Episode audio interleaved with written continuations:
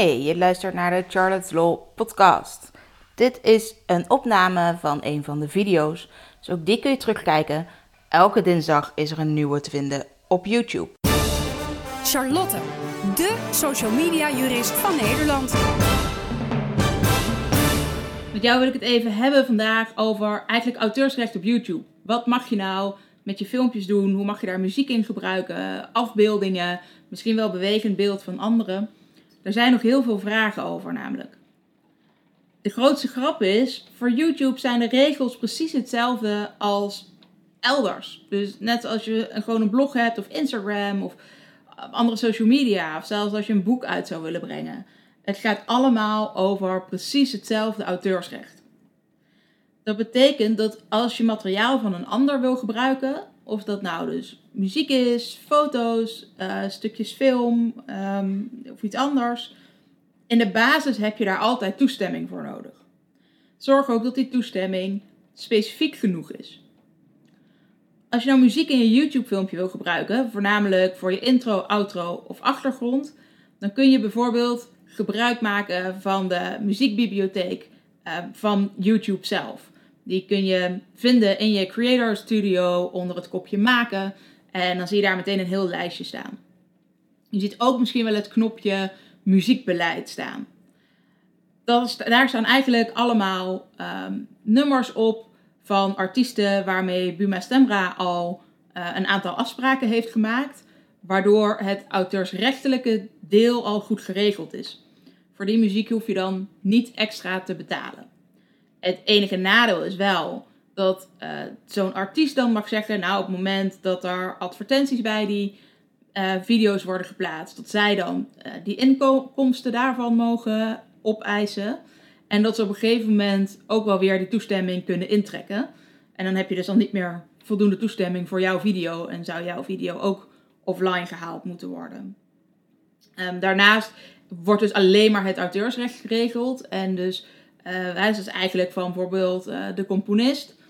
En wordt niet het zogenaamde uitvoerende recht geregeld. Dus zou het nog kunnen zijn dat er uh, met de band zelf eigenlijk nog andere afspraken gemaakt zouden moeten worden. Het heeft tot nu toe absoluut nog geen problemen opgeleverd, maar nou ja, zo is de theorie. Wil je nou muziek gebruiken omdat je daar wat over wil vertellen, omdat het bijvoorbeeld nieuwe muziek is, of je wil er wat over uitleggen, recensie, zoiets dergelijks, dan zou je er soms een kort stukje van kunnen laten horen. Natuurlijk nooit een volledig nummer. En je moet het ook vooral niet gebruiken op de achtergrond of voor je intro of outro. Maar je kunt wel zeggen: luister hier even naar en dan vertel je er iets over. Je gebruikt op dat moment de muziek als citaat. Nou, zo kun je dat eigenlijk ook doen met foto's, video's, um, teksten, ander materiaal van een ander. Je hebt er in de basis gewoon toestemming voor nodig. Maar als het relevant is voor je video en je hebt het eigenlijk nodig om uh, ja, misschien je argument verder te onderbouwen, om er iets over te vertellen, um, dan kun je gewoon een stukje gebruiken. Stel, je bent net naar, naar de film geweest um, en je wil daar wat over vertellen, wat je van die film vond.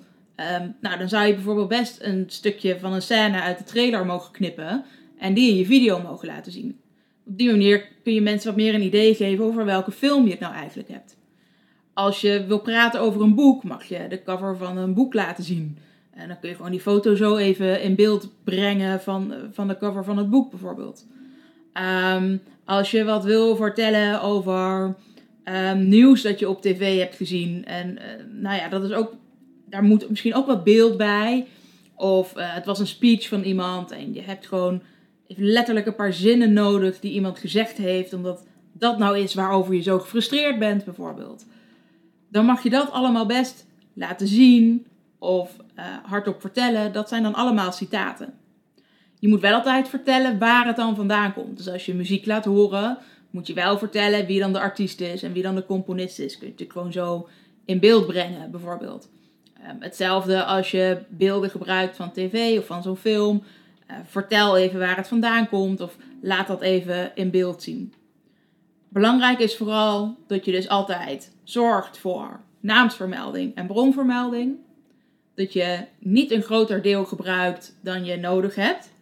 Dat het dus überhaupt iets is wat je ja, nodig hebt voor je video. Dus het mag geen versiering zijn. Het moet ter ondersteuning zijn van je video. Ehm, en je mag geen andere persoonlijkheidsrechten schenden. Dus je mag er niet te veel in, in knippen en plakken en er iets heel geks van maken, bijvoorbeeld. Nou, op deze manier kun je dus gerust wat video, muziek, teksten, afbeeldingen van anderen gebruiken in jouw video. Heel veel succes!